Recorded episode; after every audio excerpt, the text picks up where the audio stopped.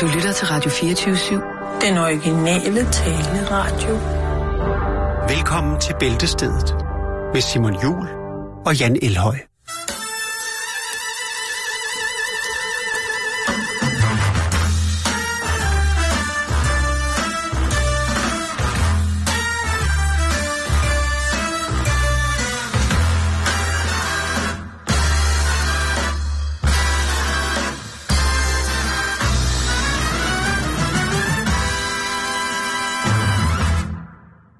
Hej Henrik, jeg ved, du lytter med. Hej Heidi. Hej Janette. Godt, I er derude. Der er sikkert nogen, der hedder det, der lytter med. Jeg siger, oh, er det mig? Der sker unævnlige ting i det her studie under nyhederne. De er meget fantastiske nyheder. Velkommen skal til. passe på, man siger. Det skal man.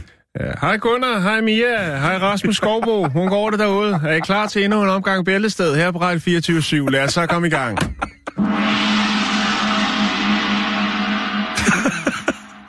Åh, fjolle, fjolle, fjolle, fjolle. Ja. Men det skal jo til. Ja, okay. Namaste, motherfuckers.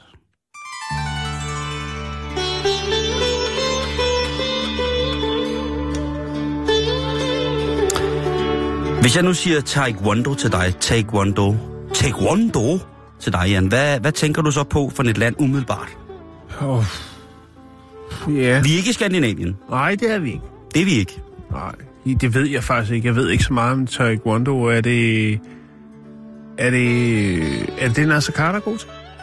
Nej, han er mere en karate. Han er karate. Han er Jamen, jeg, ved, karate. jeg ved ikke noget om det. Nej. Ja, det, Men øh, det er det fede ved det her program. Det kan man også godt sige. Man kan også godt lade som om, man ved noget om det. Men den her gang, der trækker jeg kort. Det ved, jeg ved ikke, hvor det har oprindelse henne. det har oprindelse Sydkorea.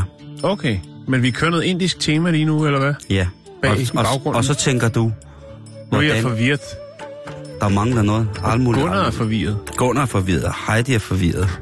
Maria er forvirret. Der er mange, der er forvirret nu. Men de, de skal holde ved, for den her historie, den er fyldt med en form for magi, som man sjældent finder. Ja, tak. Fordi, hvis vi starter med Taekwondo, så er det på koreansk jo ligesom sammentrukket af fod, spark, næve system. Og øh, det er øh, en samling, siger man i dag, af mange forskellige former for kampsystemer Ja. fra dette smukke asiatiske Altså en form for øh, kontinent. kamp. Sportsbuffet. Øhm, Kæft for irriterende musik der. Ja, det er faktisk lidt. Det er så, sådan lidt det spagagtigt for det nederen. lidt for mange klokker. Og... Så er der øh, varme klude herover til ansigtet, og der er så lidt kaustik. Nå nej, det er, Der er det er. Læsø sydsalt. Kautisk soda. ja, lidt nitritsalt til neglene.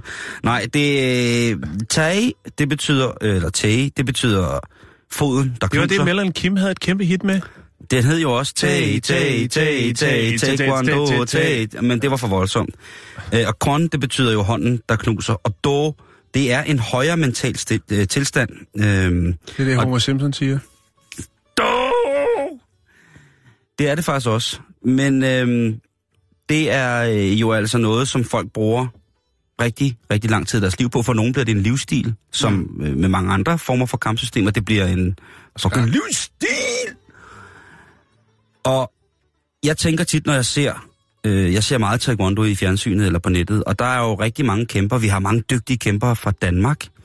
Øh, skud ud til alle øh, de udøvende. Og måske, hvis jeg startede til taekwondo, så ville det måske ligge noget i mine gener, Jan. Det kunne man jo ikke vide.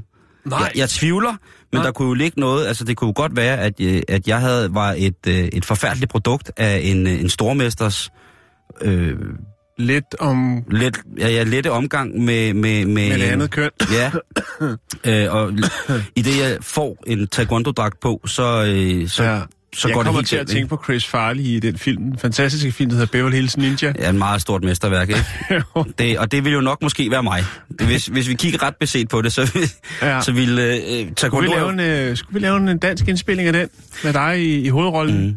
En af de smukkeste cirkelspark øh, inden for, for, for, kampsport, det ser jeg faktisk for, for taekwondo-kæmper. Det vil, jeg, det vil jeg blankt indrømme, at, at hvis man går, går tæt med cirkelspark, mm. så, så er det... Øh, Jeg har set nogle af de flotteste cirkelspark på Fisketorvet her i København. er det rigtigt? Ja. Men, og det kan jo godt være, at nogle af dem har gået til taekwondo, men Men det, det er som regel, når er... der er tilbud på øh, alle deres cirkelsparksbukser i Føtex. Når dem der med knapperne, Ja, 399. Og så, så går det øh, helt amok. filersandaler med, med jernsnude. Nej, det er H2O. Nå, okay, ja.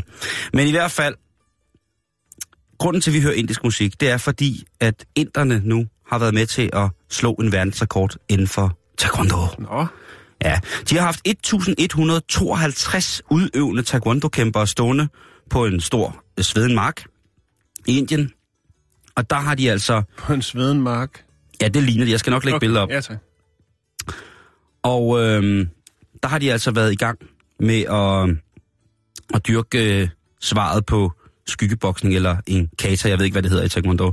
Men det er det indiske Martial Arts Akademis hold, første hold, som har stået for det her, for ligesom at fremme sporten og fortælle, hvor fantastisk det er, når man kommer til at gå i et med det her kampsystem, øh, så finder man i ja, så finder man nærmest læmeliggørelsen af ro imellem Mm.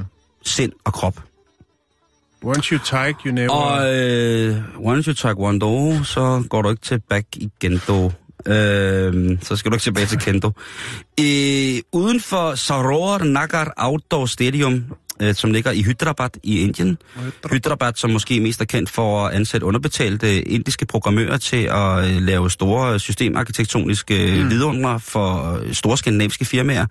Ja, der er der altså også mulighed for at udøve den her form for, for livsstil. Og øh, den sidste rekord, eller rekorden skulle slå, det var en taekwondo-opvisning med 979 deltagere, men nu er de altså op på øh, 1152, og jeg vil selvfølgelig lægge øh, de her øh, billeder og videoer op, der er det. Og, og så, så tænkte jeg også på, at, at taekwondo er stort i, øh, i Indien, fordi mange af de her former for, for asiatiske kampsystemer, eller martial arts, som det også bliver kaldt, de er jo ret store øh, mange forskellige steder i, øh, mm i Asien øh, selvfølgelig, men også i Mellemøsten. Der er jo rigtig mange dygtige øh, folk, som for eksempel dyrker judo, eller karate, eller øh, taekwondo, som jo er fra, fra altså Afghanistan, Pakistan, øh, Iran, Irak og sådan nogle ting og sager. Og så er der selvfølgelig også mange øh, europæere, som er dygtige, og skandinaver, som sagt også. Men inderne, den havde jeg sgu ikke lige set komme. Jeg har Nej, sjældent det- hørt om... Øh, jeg ved jo, at hvis man ser Bollywood-film, så er der jo en del sådan øh, martial arts ting, når, det, når action går højt, når musikken bliver ekstra høj, og sitaren den virkelig... Mm, den virkelig bruser derud af. Ja. Så, så kan det godt se ud, som om de har dyrket noget af det her. Nogen. Og der er jo også indiske action stars, som jo sikkert øh, besidder øh, det her, øh, eller evnen til at, at udøve lige præcis taekwondo.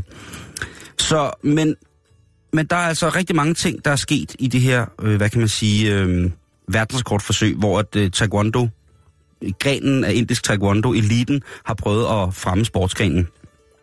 For eksempel så samme dag, så var der en, øh, øh, en inder, som prøvede at slå rekorden med flest fuld, tak, øh, fuld kontaktslag, altså øh, på et, mi- et minut i, Ja. øh, i juli sidste år.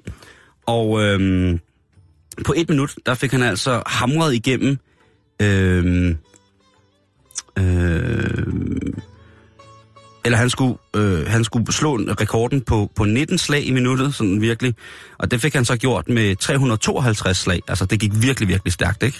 Altså fra 19 til 352. Ja, jeg ved ikke, hvorfor okay. der holdt den anden rekord der. Øhm, og det er Jayanath Reddy, som gør det. Og i 2012, der slog han, Jan, og det er en rekord, jeg ved, du elsker, så slog han, øh, Kokosnødder? han slog rekorden for flest cirkelspark øh, og, og brække fliser, Ja. øh, hvad hedder det, øh, i et minut med cirkelspark. Og der cirkelsparkede han altså 34 store fliser over øh, Det på jeg minut. lige gøre. Den er god Ja. at have på CV'et. Den er virkelig, virkelig god. Han Ja. ser ret vild ud, øh, Giant. Han har, du kan se ham her, han har altså en frisyre, som to die for. Ja. Øh, I den svenske sangerindens øh, Robins periode af Konnichiwa Robin, der havde bare hun den her helt standardiserede grydefrisyre. Ja, Finten bare er så, at, øh, klorinvarieret. at Chaya Nat her, han bærer altså også et Charles Bronson overskæg. Han har altså en snotskål af en helt anden verden. Det er Jo. meget, meget, meget, meget Det er en imponerende. vifte. Og så kan han altså losse 34 fliser over på en minut i cirkelspark. Det, det vil jeg sige, det, øh, det må jeg sige, det, det, det er voldsomt. Men hvad skal man ellers tænke om, om taekwondo i Indien, når det nu er en koreansk øh, kampsport? Jo, man skal tænke det, at øh, i taekwondoens internationale Hall of Fame, der har de lavet en lille genistreg som et PR-stunt måske. Men faktisk så er det sådan, at den stormester i taekwondo, som hedder Pradipta Kumar Roy, Mm. og hans kone, øh, Ruma Roy Chaudhry, de er gift. De blev begge to på samme tid optaget i Taekwondoens Hall of Fame som ægtepar, og de er begge to stormestre i Taekwondo. Kan jeg vide, hvor de har mødtes? Du kan se, de står her og ser rigtig søde ud med deres øh, beviser Åh, på, at øh, de som ægtefæller er indgået i en åndelig samklang med andre stormestre af netop det her øh, sydkoreanske kampsystem, eller koreanske kampsystem. Så det er altså øh, måske, måske, hvis man sidder nu og tænker, jeg har sgu ikke råd til at tage til Sydkorea, fordi det godt kan blive lidt, lidt, lidt krydret. Men jeg kan tage halvvejs, næsten halvvejs, til Indien, og der er der også en mulighed for at udøve øh, kærligheden til lige præcis det her. Hvem ved? Ja, hvem ved? Og måske kan du, hvis du er en hvid, flot mand, dansker, helt... Ja, der må jo være nogen derude. Der er masser af smukke, hvide øh, drenge og piger, der dyrker taekwondo. Måske kunne du også blive starten på en karriere, så man ligesom kunne ernære sig lidt ved at vise sin, øh, mm. sin, sin, sin dygtighed, sine skills i lige præcis det her. Og så øh, ellers så bruge resten af tiden på at fordybe sig med, med indiske stormestre i taekwondo. Og hvem ved, måske bliver du den næste, der øh, sender 352 cirkelspark afsted, eller hvor meget det nu var, mod øh, fliser. Og hvis man først får hul igennem til filmkarrieren i Indien, så skulle jeg love dig for, det har vi jo en dansk kvinde, der har gjort rigtig godt. lige præcis, så er, vi altså, så er man altså rimelig, rimelig sikker på, at øh, så kan det komme til at gå rigtig, rigtig godt. Så jeg ved ikke, hvad man siger, men øh, knæk og bræk til, til alle jer øh, taekwondo-kæmpere. Stor respekt, og øh, det kommer fra en sydkoreaner, som aldrig nogensinde har overvejet at begynde på det. I hvert fald biologisk. Du ser rystet ud over nyheden over, at der er et indisk ægtepar, der er blevet optaget i Hall of Fame i jeg synes, det er Taekwondo. fantastisk. Jeg synes, det er fantastisk. Det er nemlig rigtig sødt. Ja, jeg ved, at Kjell og Hilde jo også har forsøgt, men øh, de var ikke... De er ikke stormestre endnu. Nej, nej. Men det kommer. Lige pludselig så andre. Nå, nu skal vi til England. Deres og- svigersøn skulle efter sine være ret dygtig til. Ja, Nå, det er en helt anden historie, et andet ja program. det kunne være et andet. ja, det kunne det. Du tager den bare, Ditte. Undskyld. Fat mod, kære venner. Det der er ikke blot en radiofonisk fatamorgana, det er den sande virkelighed. Ja. Det er en lille blottelse af alle de ting, som vi glemmer at huske på, bliver vigtige for os en gang, ja. når vi ikke har noget at lave og bare sidder stivet i luften, og alle folk tror, at vi er blevet demente, men i virkeligheden, så gider vi bare Ja, ikke. det her er snakke. jo øh, programmet, der kan få dig til at trække på smilebåndet, øh, blive forarvet til tider også, øh, mens du befordrer dig fra punkt A til punkt B i et øh, motoriseret køretøj. Og så tænker du måske umiddelbart, når du hører vores ytringer, det var dog det mest uintelligente, meget, meget fantasiløse, udynamiske, til tider grimme radioprogram, men når du så kommer hjem og lægger dig til ro, inden du skal sove, efter du har kysset den, du elsker, fordi det er sundt, så kommer du til at tænke på, Gud, de havde jo ret.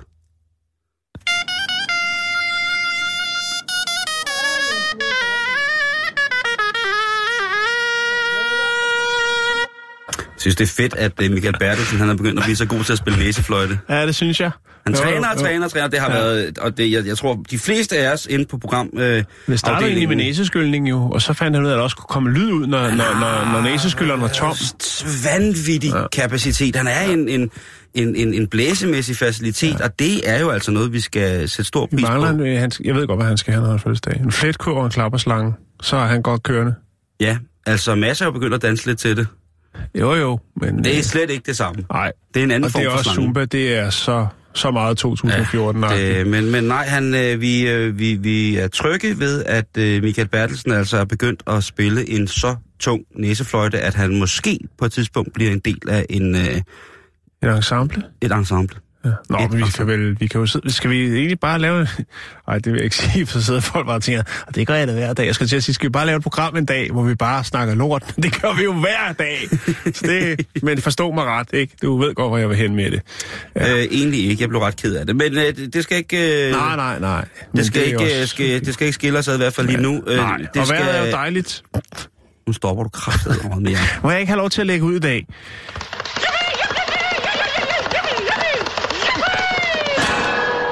Så Ja. Kan du huske øh, den svenske popartist Stakker Bo?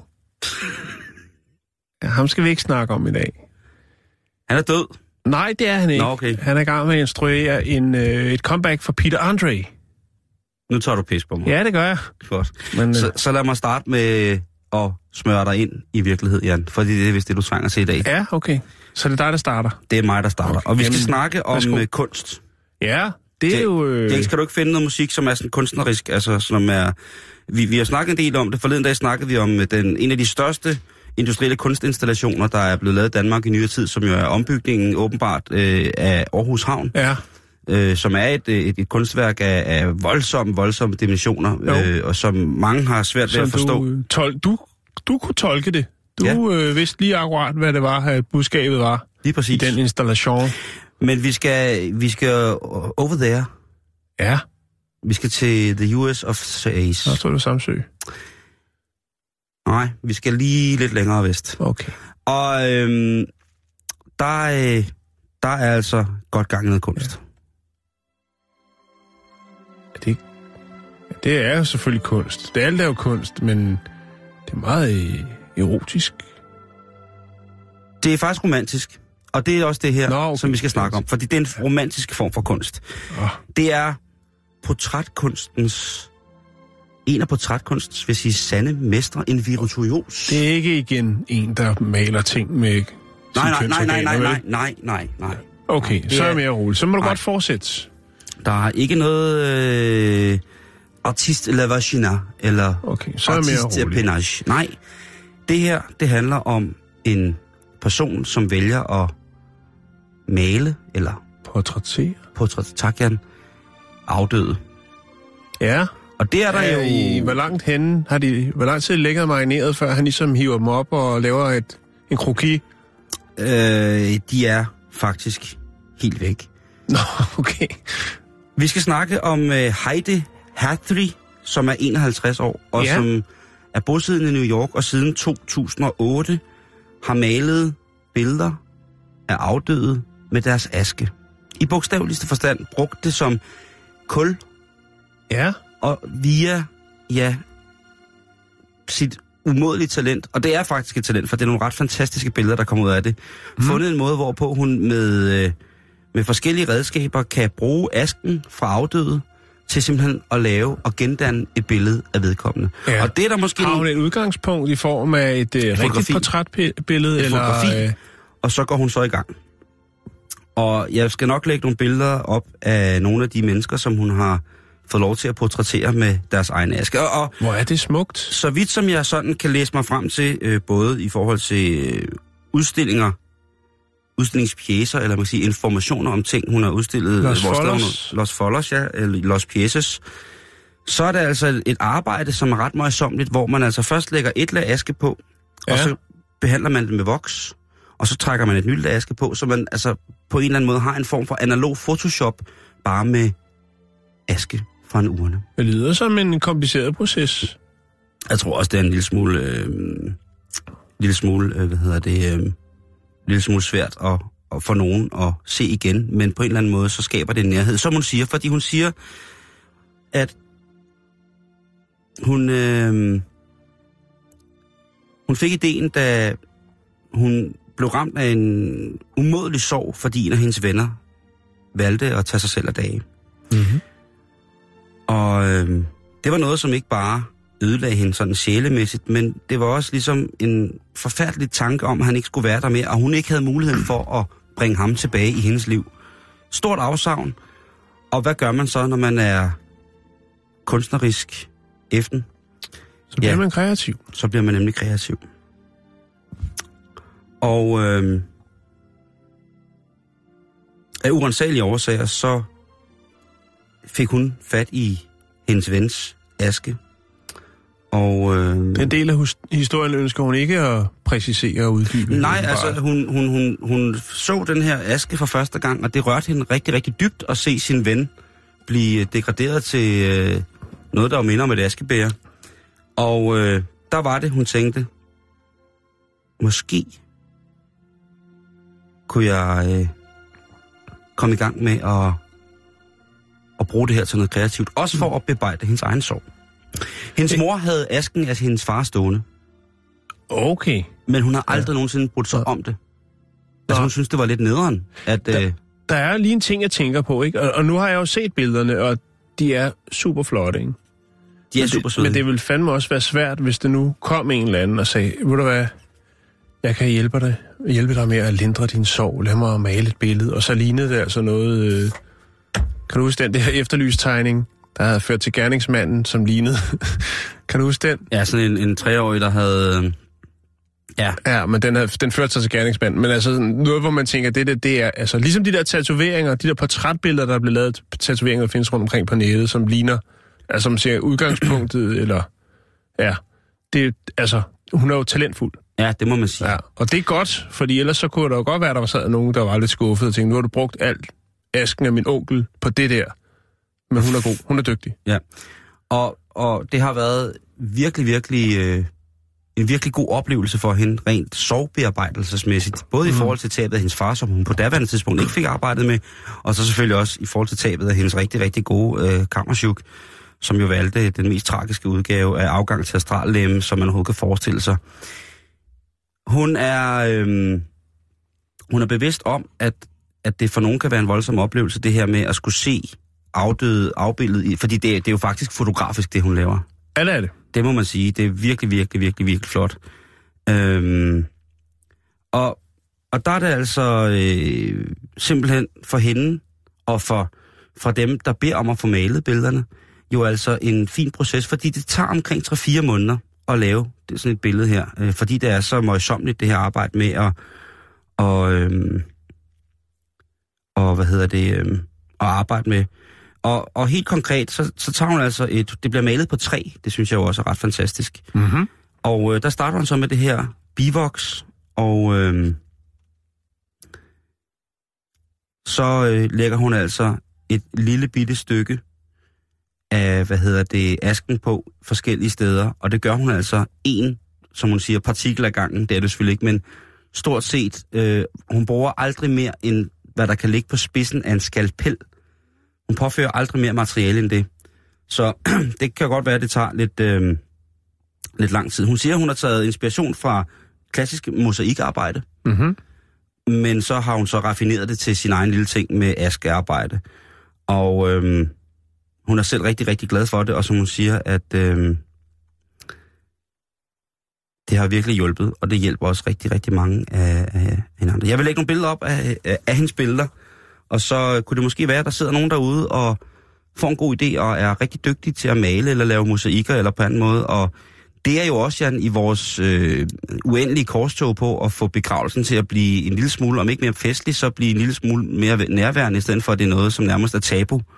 Og, og, og snakke om, at vi ikke må, må sørge offentligt og sådan nogle ting og sager, at man ikke må hylde på den måde i, i afskedsceremonien.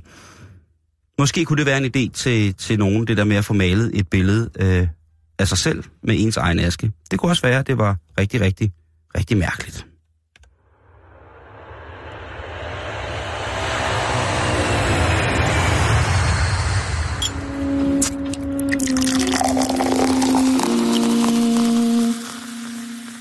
Ja, Inden vi slutter i dag, så skal vi lige smutte til Kina. Vi skal snakke om øh, to pusseløjelige ting. Først så skal vi til øh, Changi, provinsen, og her der er der en, øh, en ældre herre, som øh, tilbage i 1960'erne fik en gave af en ven. Øh, han har ikke rigtig kunne finde ud af, hvad øh, gavens funktion var, men han fandt ud af, at den var ret effektiv som nødeknækker. Øh, her, øh, altså, ja, og nu er det så kommet frem, fordi han så selvfølgelig til tider også har undret sig over, hvad det var for en aggregat, hvorfor, altså, han tænkte, dens oprigtige funktion kan jo ikke være en nødeknækker. Mm-mm. Øh, det viser sig så, at det er en granat, øh, som han, øh, han har fået i gave, og øh, så har han holder op med at bruge det som nødknækker, hvilket man jo godt kan forstå. Øh, ja, jeg er selvfølgelig sikker på, at hvis den var øh, eksploderet, så var, havde han jo nok fået flækket nøden øh, i mere end en forstand. Øh, men nu bruger han den ikke længere, Simon. Der, det har spredt sig på de sociale medier i Kina, øh, fordi folk jo både synes, det er sjovt, spændende og fascinerende, men også lidt skræmmende. For hvad er det for en slags ven, der giver en granat væk til en ven? Hva? ja. Det, det er jo i hvert fald ikke noget som sådan, som sådan er... Nej, det kan man tænke over. Ja. Men Simon, da jeg så øh, lå og rode rundt der, øh, så fandt jeg en historie fra 2012 fra en kinesisk landsby. Og her er der altså en, øh, en, øh, en ung fyr, som finder en, øh, en mærkelig svamp ude i skoven. Og det bliver til at starte med en lokal sensation. Og så spreder det sig, og flere forskellige nyhedsmedier i Kina, de øh, fanger historien om den her kæmpe svamp, som han graver op øh, af jorden øh, ude i en skov. Øhm, det viser sig så, og det er, det er meget mærkeligt, øh, det viser sig faktisk, at det ikke er nogen svamp, men øh, at det er øh, en form for sexlegetøj. Ah, Det ligner en svamp, men øh, i den ene ende, der ligner den en, øh, altså en svamp med en vagina på toppen, og i den anden ende ligner det et, en numsehul. ej. Øh, jo, og øh, jeg har sgu faktisk fundet endda en, øh, en, øh, en oversat øh, version af en, en nyhedsmedie, som bringer nyheden om øh, det her mærkværdige fund af den her svamp, hvor de også øh, taler om, at, øh, altså, at den her svamp har der været, altså den, er, den har man brugt førhen. I, i, altså, nogle kejser har haft gang i de der svampe, og brugt dem, og de skulle være godt for alt muligt. Det står der altså en reporter og siger øh, helt alvorligt. Øh, og senere har man så fundet af, at det jo faktisk ikke er nogen svamp, men at sexlegetøj, som har... indholdet til en flashlight.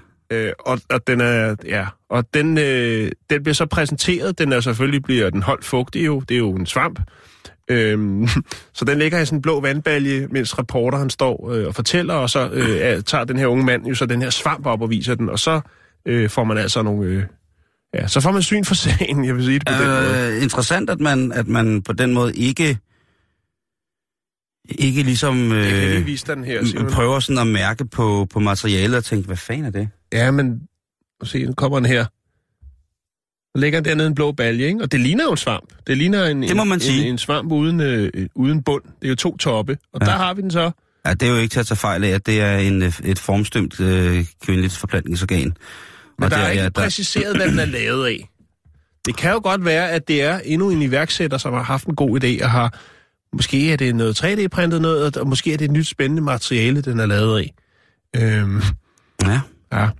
Men jeg, jeg tænker bare om... Øh, jeg tænker bare om, om man ikke som svampekyndig ud i den japanske fauna, ligesom Kinesiske? Kunne, kinesiske ja. kan mærke, at, at det, det her, det, det, er, det er nok ikke et helt naturligt materiale, det her. Øh, men på den anden side set, hvem ved, naturen er jo, Jan, en, den evige giver af den ene overraskelse efter den anden. Ja, lige præcis. Så det kunne jo godt, kunne jo godt have været en meget... Altså, han har jo virkelig gravet for at få fat i den her svamp. Det er ikke ja. Sådan en svamp, du lige finder hver dag, og nej, det gør man ikke, fordi det ikke er en svamp. Nej.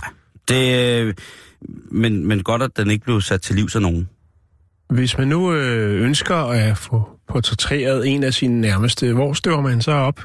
Jeg lægger det op på vores Facebook-hjemmeside, facebook.com-bæltested. Der er et link, og der er også øh, nogle eksempler på, hvad hun har malet. Ja. Øh, Nu skal vi snakke om øh, et sted, et amerikansk sted. Vi skal til Florida, og øh, det er en øh, ganske forfærdelig kæde, som dækker øh, det meste af USA. Øh, det er et sted, en, ja, en under, et underholdningscenter, skråstreg, restaurant. Lidt ligesom McDonald's.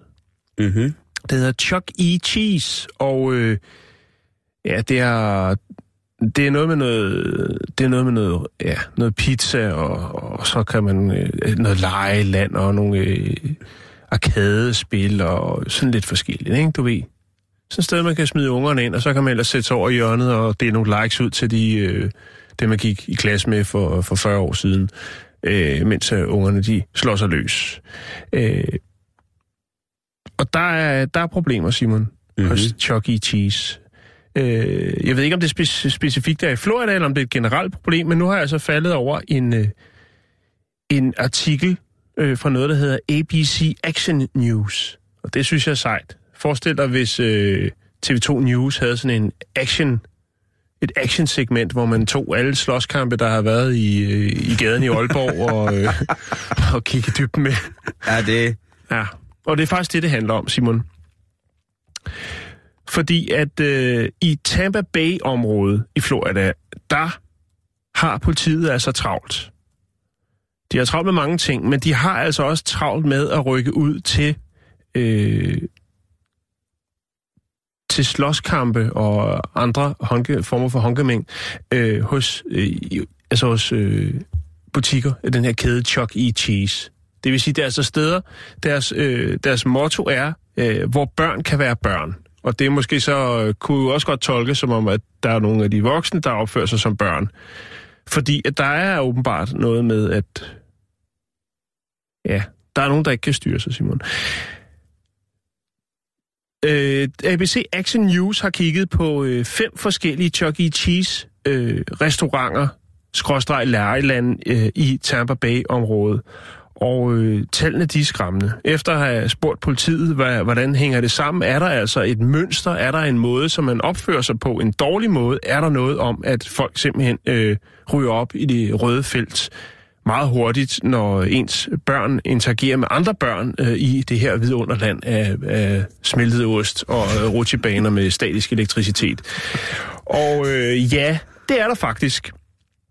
Hvis man kigger på øh, for eksempel den øh, Chuck E. Cheese, der ligger på Clearwater og Wesley Chapel, der har øh, i 2016, der har politiet været ud 18 gange.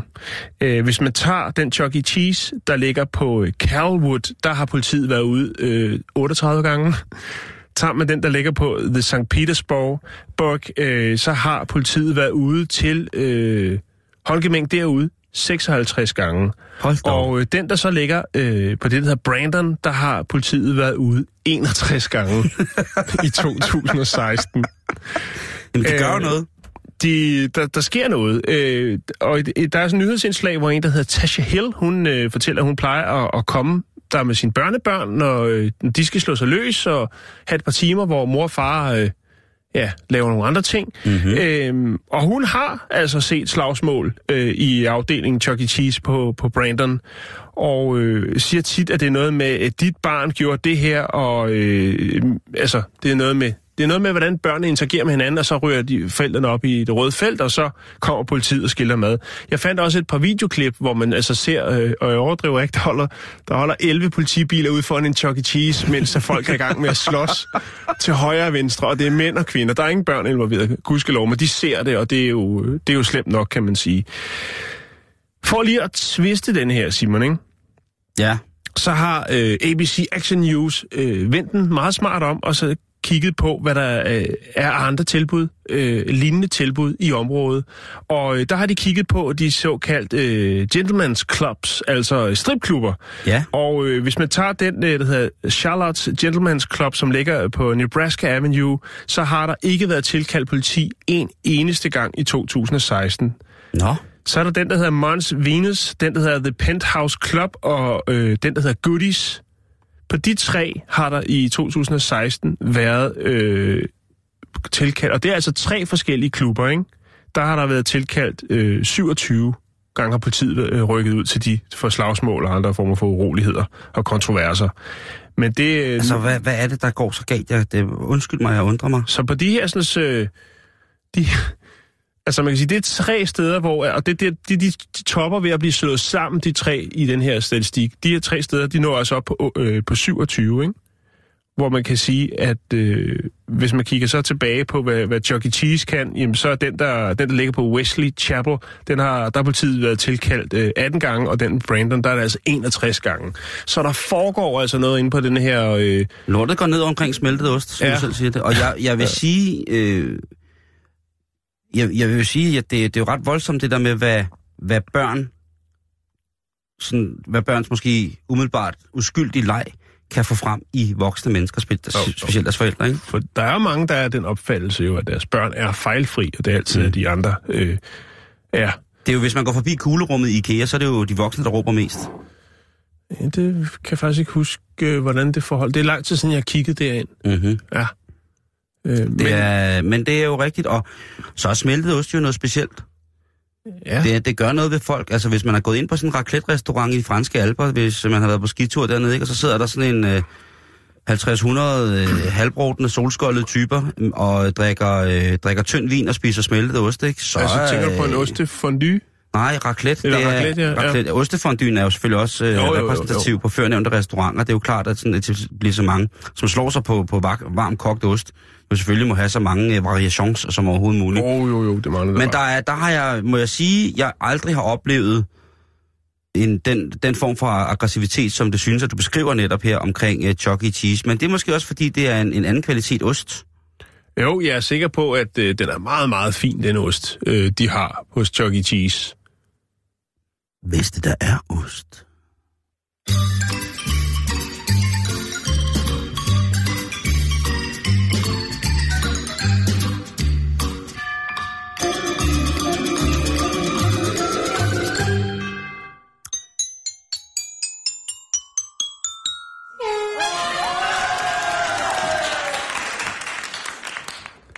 Her var det øh, Pierre Dørve, der tjente 1 million kroner fra kulturpuljen ved at spille dejligt, dejligt stykke musik, han selv har skrevet, der hedder Fra de store tangenter helt ned til de små.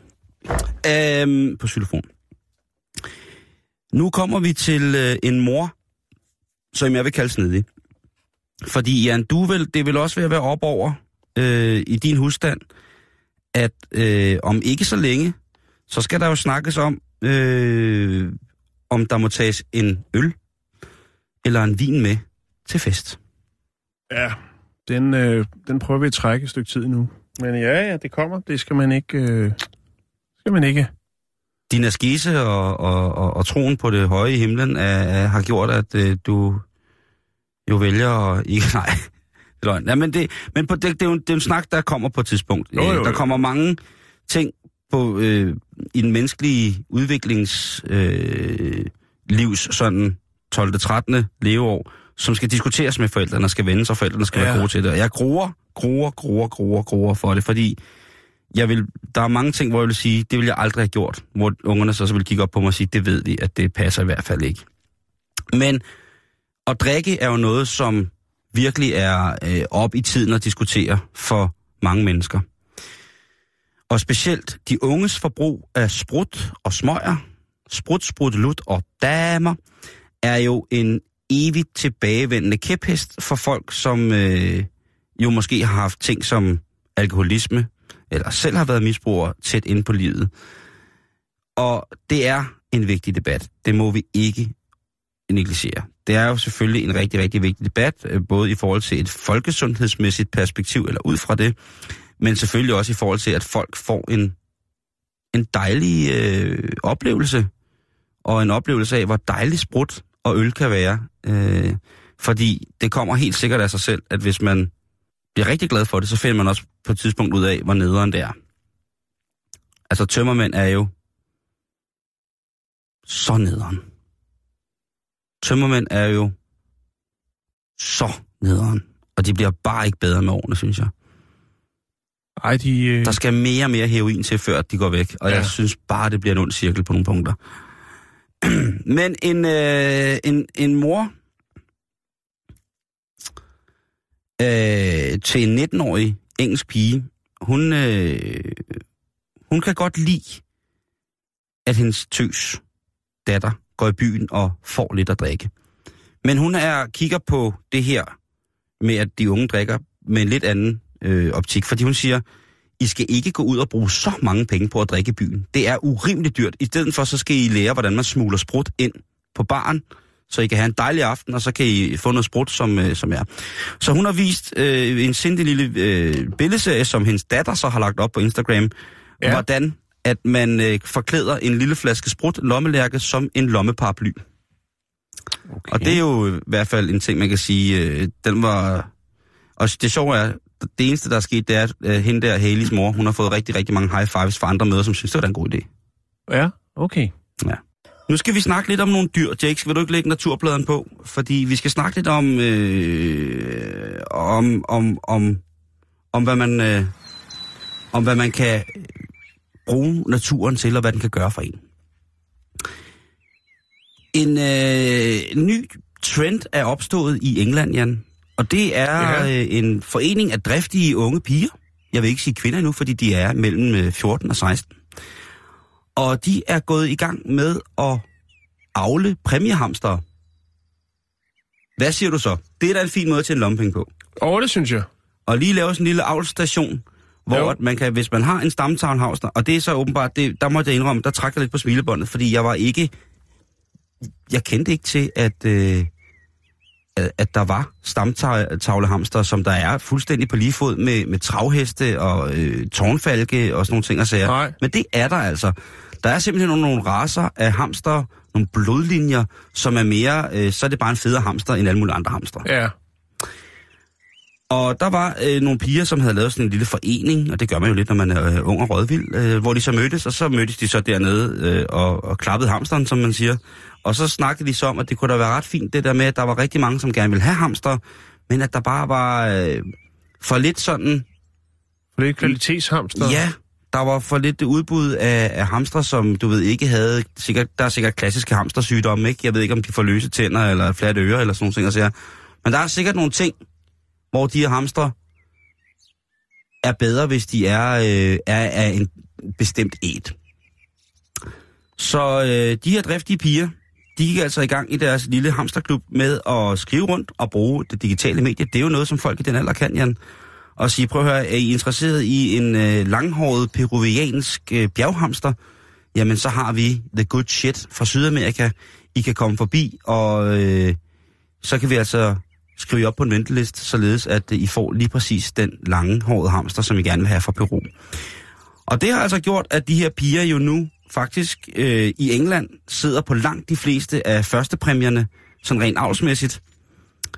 Langt af de fleste førstepræmier, der til, bliver uddelt til hamsterkonkurrencer, det er altså avl fra de her pigers lille forening. Det synes jeg, der er en fin måde at tjene nogle lommepenge på. Og det synes jeg. Det synes jeg. En af pigernes far er dyrlæge, og han er hjælper altså med, at det ikke går helt galt, at der ikke pludselig kommer en med en chihuahua og siger, øh, nu skal ham- hamsterfar skal have en tur på chihuahuaen, så der kommer et eller andet mærkeligt. Nej, den er helt god nok, og de har styr på, at der skal være en myndig, som de selv siger, en der er øh, over 18, Ja. som kan få lov til at, øh, og, og være med til at dokumentere og skrive under på og sørge for juridisk, at øh, man kan sige, blodlinjen bliver holdt på en ansvarlig måde.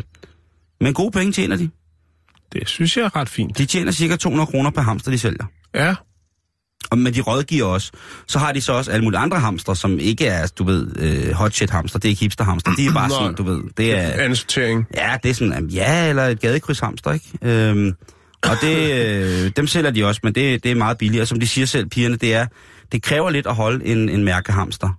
Men en, Ja. ja. en, en almindelig hamster, det, det, det er ikke sådan så mere, meget mere besværligt. Og der, det ved jeg ikke, hvad jeg skal sige til. Øh, Jeg synes jo, de, de skal have det godt ligegyldigt hvad, de der små mærkelige væsener. Øh, og så det eneste, de siger, hvor jeg tænker, den er rivende galt, det er, at de siger, at øh, de er meget overbeviste om, at hamstre er utrolig kloge. Og der, der må jeg sige, det, øh, Du skal passe på, hvad du siger, Simon. Det, det øh, det har jeg ikke hørt om, at de er meget intelligente. De kan godt finde ud af, hvor, hvor noget- maden står. hvor maden står og løber lidt rundt i en hjul og noget. Men det der med, at de skulle besidde en, øh, en, en større mammal intelligens, det er for mig øh, lidt forunderligt. Men jeg vil gerne høre, fordi selvfølgelig har vi nogle øh, folk i blandt vores lytterskare, som er eksperter i lige præcis øh, stamtavle, stam, oh, det er svært ord, stamtavlehamstre, og så selvfølgelig også videre øh, vide noget om, hvor kloge sådan nogle er. Så skriv ind til os facebook.com bælstedet og fortæl os, hvor klog en hamster egentlig er. På en skala fra 1 til 10.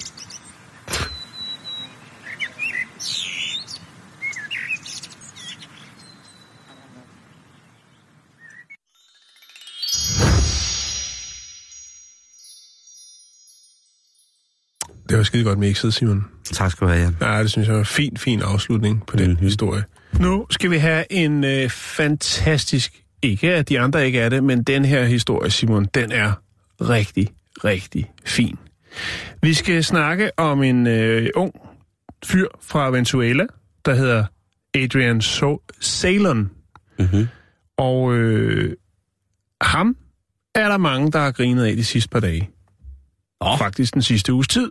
Og det, er det mobning? Det er øh, mobning. Og øh, hvorfor er det det, og hvorfor er det, at folk griner af ham?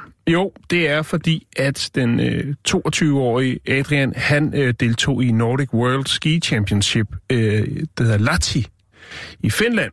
Ja, Øh, ja, ja. Klæ, Lahti. Og øh, Det er barske sager. han øh, følger en historik af folk, der har skilt sig lidt uden for øh, ved at deltage i discipliner, som normalt ikke er hjemmehørende i deres hjemland. Okay. Her kan man jo øh, blandt andet nævne skihopperen Eddie the Eagle, øh, og så er der jo selvfølgelig det jamaikanske bobsledehold. Øh, Der var også ham, der den afrikanske svømmer. Eddie the Eel blev han døbt. Ham, som, hver han gang, også Eddie. ja, hver gang han var ved at vende, Ja, det kan jeg godt huske. hver gang han var ved at vende, så stod han ved at drukne, fordi han kun havde trænet Ja. i en, en lille bitte svømmepøl. Ja, og det er lidt den samme øh, stil, vi er ude i her. Oh, Gud. Fordi at øh, Adrian, han, øh, han har trænet ski, men der er jo ikke noget sne i Venezuela. I hvert fald ikke øh, der, hvor han bor. Øh, så derfor så har han øh, trænet på rulleski. Ja, okay. Altså, der er jo masser af sne i Sydamerika. Noget af det bedste ski er Ja. jo... Men det har ikke været, det har ikke været tæt på ham. Det er ikke der, hvor han bor. Der er ikke, jeg tror ikke, der er sådan et, et, et, et noget... øh, Altså, en ting er jo, der er sne på bjergene, men hvis der ikke ligesom er nogen, der vælger at lave en løjpe øh, eller noget, så øh, ja... Altså, det backcountry. hvis der ikke er muligheder for det. Action packed. ja, og med styrløb, så er det jo kun en vej, det er ned. Så må man ja, ja. se, hvor mange gange man overlever det. Men øh, det er lidt, altså, det er lidt en, øh, en lang vej, han er kommet, og så øh, skal han så meget igennem, Simon. Øh, altså, han blev udvalgt til at være den, der skulle deltage på vegne af, af altså, eller udvalgt, man siger. Han, han ville godt, det var hans drøm, Simon, det var at komme ud og rejse, og komme ud og øh, vise, hvad han kunne på ski. Mm-hmm. Øhm, og han har altid drømt om at deltage i en konkurrence i udlandet. Så øh, ham og hans, hans venner, hans naboer, de øh, hjælper ham med at spare sammen til flybilletten til Europa. Øhm, og øh, han tænker, jamen der kunne jo godt være lidt forskel på, altså en ting er, at jeg er god på rulleski, men der kunne godt være noget andet, noget, når det kommer til øh, det her med rigtige ski, eller hvad man skal sige, ski. Så derfor så tager han afsted i god tid, for ligesom at, at pusse teknikken af. Det er jo rigtig godt ting. Han tager faktisk afsted øh, to måneder før den her sådan, øh, konkurrence. Han går all in. Han går all in. Øhm, Der er der heller ikke som, man, øh, som man nok ved, så er øh, Venezuela jo et, et hårdt presset land økonomisk. Øh, og der er jo ja, der er mange problemer der. Men altså, han øh, ender i øh, Charles de Gaulle i Paris, der ender han i den lufthavn, og der bliver han tilbageholdt, Simon. Han har øh, 28 euro på lommen, og øh, da han forklarer, han bliver stoppet, øh, og man så ja, der er jo kontrol på, og man tænker, at han er jo nok en, der søger, vil søge asyl eller indvandrer. Øh, altså, han ønsker opholdstilladelse eller noget. Det vil han ikke. Han forklarer, hjemme på, jeg er skiløber for Venezuela, og jeg er faktisk på vej øh, til Finland for at deltage i en konkurrence. Eller, øh, undskyld, øh, ikke i Finland, men øh, ja, han er på vej til den her konkurrence. Mhm. Finland vender vi tilbage til. Og øh, det kan de sgu ikke rigtig forstå. Den, altså, den har de ikke hørt før, vel? De har sikkert hørt meget, men de har altså ikke hørt, at en øh, 22-årig gut fra Venezuela, han øh, står der i lufthavnen og, og påstår, at han er øh, skal deltage øh, i en skiløbskonkurrence. Han øh, kommer i politiets varetægt og sidder, sidder i fængsel i 10 dage, før han bliver sendt tilbage til Venezuela. Og så kommer vi til det finske, Simon. Gør de noget? De sender ham hjem. De sender ham hjem. Nej. Jo, de sender ham hjem. De tror ikke på det, og han har heller ingen penge, så han kan heller ikke, øh, altså han kan hverken komme frem eller tilbage. Og ski har han jo heller ikke med. Det er jo noget, han skal, skal lege på stedet. Øhm, og hvad sker der så, Simon? Så kommer der hjælp fra Finland. Ja, mærkeligt nok. Det, der er, det er en connection, som man sjældent, øh, som man, øh, sjældent ser. Ja, Og vi må ikke huske at overse den, den finsk-venezuelianske øh, connection. Den Nej. Må vi ikke negligere. Historien om den unge gut fra Venezuela, den fanger øh, den finske tv-personlighed Alisik, Alisik øh, Valvori, tror jeg han hedder. Øhm, og han starter simpelthen en øh, crowdfunding-kampagne og får rejst 4.000 euro, sådan så at, øh, at Adrian han kan komme Op og løbe på på ski, langrend. at han kan komme øh, til den her øh, Åh. konkurrence. Det er Det, gode det sager. lykkes, ja. Der bliver spyttet i kassen, og øh, så får han så en, en, en, en tur, der går hele vejen. Øh, og det, det synes jeg er ret, ret øh, vildt. Og så er han fremme ved konkurrencen. Han øh, bliver hentet af Valjuri i, øh, i lufthavnen i Helsinki, og øh, så øh, er det jo så, at han lige pludselig er der. Ikke? Simon, han er i Finland. Han er klar, og han har altså ikke noget tid til at øve, fordi det er øh, dagen efter, Ja, at han skal ud og deltage. Og det er 10 kilometer cross-country. langrand. Øh, ja, og øh, han har aldrig set sne før, så der er en del at, at tage stilling til. Øh, så 12 timer efter ankomsten, så er han på ski, og han er med i, øh, i øh, den her Lati Nordic World Ski Championship. Hvor er det fint. Ja, det går ikke så godt, Simon. Nå, Lad os nej, bare men, sige det men, måde. men, men Jamen, det handler heller ikke om at vinde, det handler om at være med. bullshit, men lige, lige der, Ja, tænker jeg, at det, det er et mirakel, han er der. Jo, jo, og han har altså siddet 10 dage i spjældet i, i, i Frankrig og blevet sendt tilbage, og, øh, men han giver ikke op, og det er jo fantastisk, at han så er der. Ja. Øh, jeg har fundet klippet, som er gået viralt, og det er der, man griner lidt af ham. Og det er Ah. fordi, at det, altså allerede, når han skal ud af starthullet, så er han ved at stå på røv og albuer, og sådan fortsætter stort set øh, hele vejen igennem. Det er også meget, Øh, øh, de- meget kompliceret med langrand. Det er, 10 det kilometer. er virkelig en teknisk disciplin, ikke? Jo. Øhm, men når man ved det eller ej, så gennemfører han faktisk, og jeg har fundet en, jeg tror det er en norsk, eller en svensk reporter, der spørger ham, øh, hvordan det har været, og hvad har været det værste? Har det været de 10 dage i fængsel, eller de, øh, de 10 kilometer på ski? Og der bliver det Og 10 der er det, der er det de 10 dage i fængsel, det siger Nå, han. Og okay. han forstår ikke helt humoren. Jeg synes, det er meget sjovt, men han er ikke sådan helt... Øh, jeg tror ikke, han har synes, det var specielt fedt. Jeg tror fedt også, at hvis man kommer i fængsel i Venezuela, så er det bare noget... Altså, det, Jamen, det er Paris. Det er Paris. Han Ja, ja, blev er tilbageholdt i Paris. Jo, men det er et land, han kommer fra, Jan. Ja, der, ja, du tænker, hvis det er hans reference. Ja, ja, så tror jeg, man, man... Og der er jo masser af bjerge i, øh, i Venezuela. Jeg skulle bare lige være helt sikker. Men der er jo, øh, hvad hedder det, Andes Venezolanos, Jo, jo. som jo er de venezuelanske øh, Andesbjerge, som man kalder dem, som er sådan en lille finger, der stikker ud fra Andesbjergene. Hmm.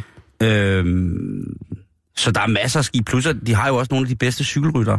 Øh, Jo, jo, af i jo. Sydamerika. Men de har ikke nogen, altså, de har ikke nogen øh, skikultur på den måde, og han har trænet på rulleski, men alligevel så var han den, øh, den bedste repræsentant, og han gjorde, at han fuldførte, og han synes, det har været en fantastisk oplevelse. Altså, der er jo sikkert ikke nogen i den by, han kommer fra, der overhovedet har været altså, Men det var- landet. Nej, og det er jo igen det der med, altså skisport er jo også, det er jo altså også den, den hvide mellemklasses helt store øh, sporting-ting, ikke? Altså der er øh, til en uge om året for langt de fleste, bliver der jo, jeg kan ikke huske, mange milliarder der, er, der bliver solgt for skiudstyr. Det er en uge om året, de skal afsted. Mm. Og langt de fleste af dem, der brokker de så over de ondt i fødderne og sådan noget. Og så er der så dem, der virkelig nyder, kan nyde en uge og tager ud op med første lift og hiker resten af vejen op og kører backcountry ned i en lækker bowl og måske lidt frokost med, inden man går ind og kører skov øh, mm. mellem træer og alt muligt og sidder og hygger sig og nyder landskabet og naturen og kommer tilbage til for sent, at man skal køre ned ad bjerget og køre efter lysene i byen. Og, men langt de fleste, de laver jo altså bare den her øh, stille og rolige øh, skitur, som jo, hvor langt de fleste danskere jo kommer til skade øh, uden ski på, øh, på, på Mm. afterski, eller hvor nu er ikke. øh. Og med det er selvfølgelig også skud ud til alle de danske skiinstruktører og øh, skiinstruktørinder, der er rundt omkring i, øh, i verden, som lytter bæltestedet. Mhm. Øh, vi savner jeg, øh, jeg lægger en, en, øh, en lille filmsnas op, hvor man kan se højdepunkter fra øh, Adrian øh, Solanos øh, debut øh, til Lati Nordic World Ski Championship, øh, den 22-årige kok fra Venezuela.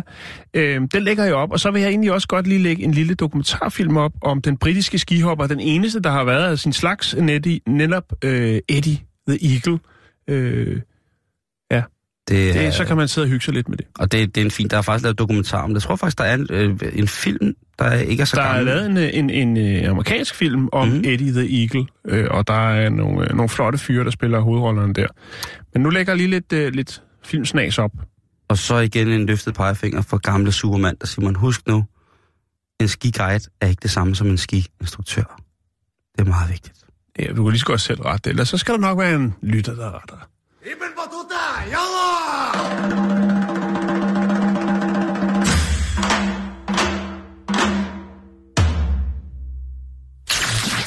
Hello, I am Yrjö Uusivirta and I'm here to tell you about solar energy. Solar energy even there where the sun don't shine.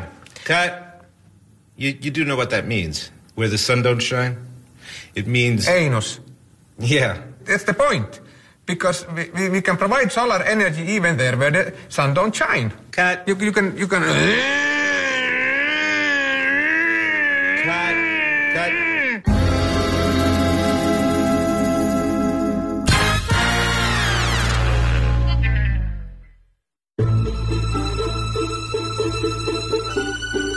lytter til Radio 24 /7. Om lidt er der nyheder.